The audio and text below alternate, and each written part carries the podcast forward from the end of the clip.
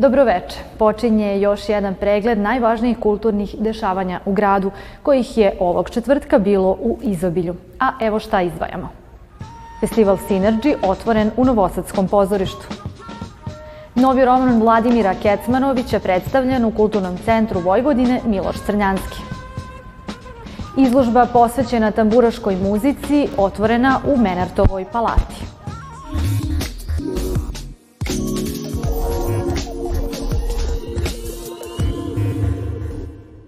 Synergy festival koji neguje pozorišnu umetnost jezičkih manjina iz čitavog sveta započeo je danas i trajeće do 19. decembra. Manifestacija je humanitarnog karaktera, a sve prikupljene donacije namenjene su sigurnoj ženskoj kući. Na ovogodišnjem repertuaru naše su se predstave teatara iz Mađarske, Rumunije, Hrvatske i Srbije. Šta je ono što novosadsku publiku očekuje u narednim danima, pitamo Roberta Lenarda, umetničkog direktora Novosadskog pozorišta. Dobrodošli u našu emisiju. Hvala. Festival je otvorila predstava Trauma King teatra iz Bukurešta u režiji Gabriela Sandu. A šta novosadsku publiku očekuje u narednim danima? Da, Trauma King je bio na otvaranju festivala e, posle Duo Nomadiko, e, kod nas u klubu, to je bio jedan koncert. A ono što još sledi, to su uh, Artefakt iz Beograda sa predstavom Naš sin, koji je debitovao sad u maju, junu mesecu i uh, naišao na prilično dobru kritiku uh, i željno ih očekujemo. A, posle, sledeći dan dolaze Mađari iz, uh, iz Rumunije, iz Georgenija. To je pozorište Figura, naši inače glavni prijatelji, sa predstavom Haos, to je savremeni finski tekst o ženskim problemima, jedna komedija lepa. Uh, onda dolazi jevrejsko-mađarsko pozorište iz Budimpešte, uh, koji se zove Teatar Golem. Oni su tu sa samoironičnim naslovom uh, Loši jevreji. E, to je isto jedna komedija mislim da se, da se igra i na Broadwayu trenutno. I zatvaramo 19 sa Romanom Nikolićem, koji je isto naš davni prijatelj. Ovo će biti treća predstava njegova na ovom festivalu. E, to je Bura iz Zagreba, Arterari u koprodukciji sa ITD teatrom, koji se bavi problemom azanata u, e, u Hrvatskoj, pa i šire. Ovogodišnji festival akcenat stavlja na promišljanje o problemima sa kojima se susreću žene u današnjem društvu. Koje su, po vašem mišljenju, glavne tačke spoticanja i da li teatar nudi rešenja za prevazilaženje istih? Teatar ne može da nudi rešenja, verujem, ali može da začaška problem, može da informiše o problemu i barem nekoj količini gledalca koji, koji nam uđe e, može malo da otvara to pitanje malo ozbiljnije.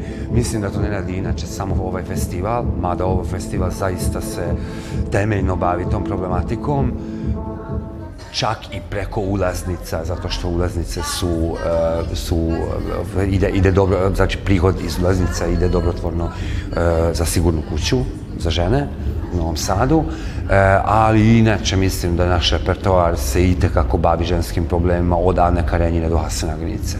Za ovih pet godina koliko festival postoji, šta biste izdvojili kao najveći uspeh i šta je cilj u godinama koje slede?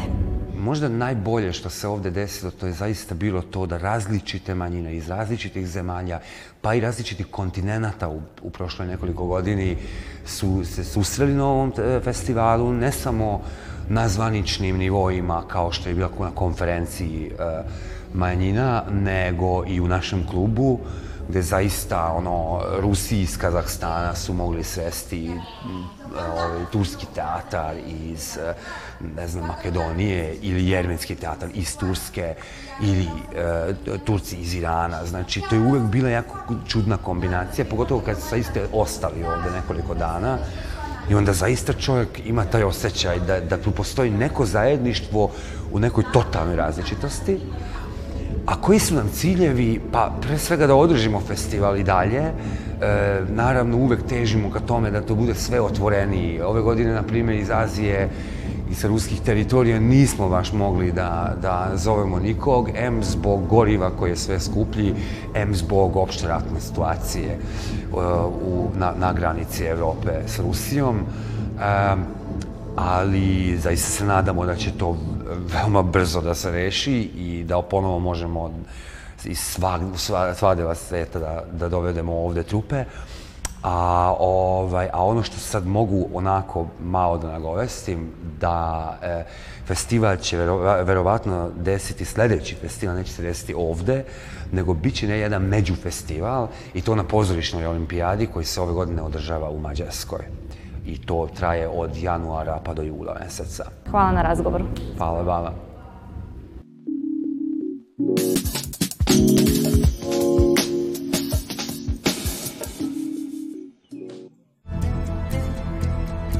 U okviru programa Umetnik u fokusu u Kulturnom centru Vojvodine ovoga puta promovisano je književno stvaralaštvo srpskog pisca, scenariste i kolumniste Vladimira Kecmanovića. Osim bogatog opusa nagrađivanog književnika, čija je proza doživela filmske, televizijske i pozorišne adaptacije, prisutni su imali priliku da saznaju više o njegovom najnovijem romanu Kad đavoli polete. Mislim da najviše ima sličnost sa romanom Top je bio vreo, jer imamo tu donekle paralelnu situaciju dečaka starijeg koji se suočava sa surovošću sveta. Surovost je na prvi pogled sasvim druge prirode, ali mm, zlo je jedno, a u ovom slučaju, kako bih rekao, taj konačni uzrok zla je srodan u oba slučaja, ne samo u smislu što je zlo uvek jedno, nego što je u pitanju manje više isto zlo koje menja kroz decenije, menja svoj pojavni oblik, delo je potpuno drugačije, ali kada se zagrebe stižemo do istog izvora. Simbioza drame i trilera na autentičan i prepoznatljiv literalni jezik Kecmanovića progovara o zlostavljanju dečaka, podsjećajući poznavaoce na autorovo delo Top je bio vreo i njegovu veštinu da čak i izostavljenim rečima i ćutnjom kazuje mnogo i stvara živopisne slike i likove. Današnje generacije čitalaca, ne pisaca, nisu spremne da se suoče sa dužim tekstom. Tekstovi će sigurno biti sve kraći, I ne mislim ja da to samo po sebi loše, samo je drugačije i ne znam koja će forma tačno biti ta koja će biti dominantna, ali će u svakom slučaju biti mnogo brža i kraća nego danas. Književnost će uvek da postoji i duža i kraća, pitanje samo koja će da bude dominantna. Ja mislim da će ova kraća da bude dominantna. Slika čovekovog stradanja do kojeg dolazi usled učestale hipokrizije iz pera scenariste popularnih serijala Sjenke nad Balkanom i državni službenik ima formalno prividan srećan kraj, te čitaoca poziva na preispitivanje kao i mnoga druga dela autora čije kolumne objavljuje više štampanih medija.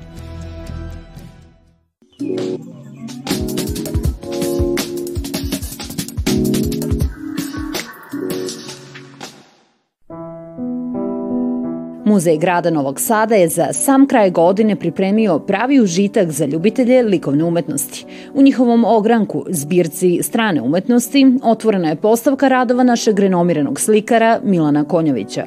U pitanju su dela iz privatne kolekcije Dragoslava Marčića. On je naš sad već višegodišnji saradnik, on je veoma dobar kolekcionar uh, srpske umetnosti druge polovine 20. veka, ima velike kolekcije pojedinačnih autora. Evo, samo da podsjetim, recimo Veličković, Šobajić, Ljuba Popović, parijski slikari, sve su to bile izložbe koje su se održavale u ovom prostoru u prethodnih nekoliko godina. Ovaj put dogovorili smo se da to bude Milan Konjović, Postavku čini 45 dela iz gotovo celokupne karijere Milana Konjovića. Dva platna iz gimnazijskih dana, delo iz čuvene plave faze, portreti nastali po povratku u Sombor, slike iz vizantijske faze, kao i crteži koji svedoče o njegovom humoru, talentu i dovitljivosti, samo su mali deo ove intrigantne postavke. On je uvek bio svoj, bio je snažan, ekspresivan, nije, recimo 50. godina kad je se veoma isticao taj socijalistički realizam, on tome nije podlegao i često je bio zbog toga kritikovan.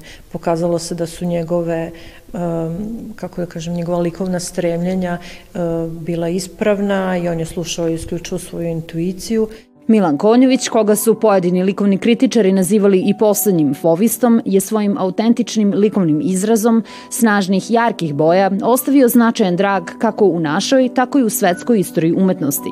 Te ukoliko ste ljubitelj njegovog stvaralaštva, naša preporuka jeste da posetite izložbu koja će biti otvorena do 28. februara iduće kalendarske godine.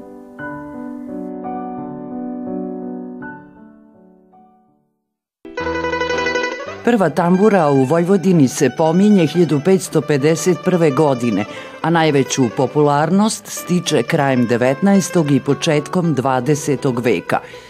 Jedan od osnivača tamburaškog orkestra radio televizije Novi Sad, Sava Vukosavljević, zapisao je da je ukupno bilo 104 orkestra u Vojvodini plus 30 dečijih. Najviše ih je bilo u Novom Sadu, a najbolji tamburaši su obično svirali u kafanama Bela Lađa kod Kamile, kod Slavnića, kod Tri Krune, a nisu bili redki slučajevi da se veselo raspoloženje nastavi i u jutarnjim satima – naročito kada bi se nekome prohtelo da čašćava. Meni je ovo možda i najprirodnije okruženje, obzirom da sam i sama po struci muzičar i da, da se profesionalno bavim tim poslom. Ono što jeste meni potpuno dragoceno jeste podatak da i sam Janika Balaži prvo svirao violinu, pa je onda prešao na tamburu i ostvario svetsku slavu. Tamburica je nedavno zaštićena i u Nacionalnom registru Republike Srbije kao nematerijalna kulturna baština – Novi Sad je ne samo evropska prestonica kulture, već i svetska prestonica tamburice. Ovde imamo izuzetno vredne eksponate od prima Janike Balaša, od e, klavira legendarnog Save Vukosavljeva, od eksponata Marka Nešića, Vasa Jovanovića i drugih, kao i jedinstvenu likovnu koloniju radove, tematske radove umetnika koji su slikali ulja na platnu inspirisani upravo tamburicu. Tamburaška muzika je naša duša i Novi Sad s tamburašima je grad sa dušom. Na tamburicama iz Vojvodine sviralo se u Evropi i Americi, a plejada najvećih virtuoza, kakav je bio Janika Balaš sa pesmom Ratka Šoća Osam tamburaša, ostaje trajno u centru grada.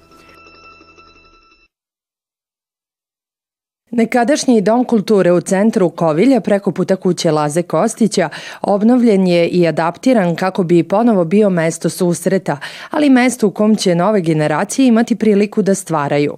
To je deveta kulturna stanica koju je Novi Sad kao evropska prestonica kulture napravio obnavljajući uglavnom staro arhitektonsko nasleđe. U najkraćem mogućem roku obnovljeno e, i stavljeno u službu kulture građanima ogromno nasledđe, industrijsko, kulturno, sportsko, čak ako posmete tečeg, nego je zapravo napravljena sinergija i ušteda u novcu, jer nemate devet administracija i devet produkcija i devet promocija i timova, nego imate jedno jezgro koje radi kao jedan porodica. U Kovilju je i gradska biblioteka ušla u sistem kulturnih stanica. Tako je u novom objektu dodeljena tradicionalna književna nagrada Stevan Pešić, koja je pripala Juliji Kapornja za zbirku poezije Panaceja. Panaceja, grčka reč koja znači univerzalni lek za sve.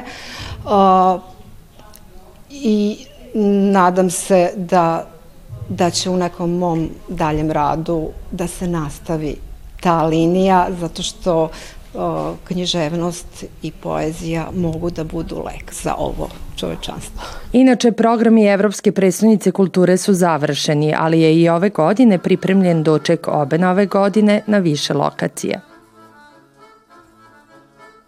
Bio bi ovo završetak večerašnje ture kroz svet umetnosti i kulture.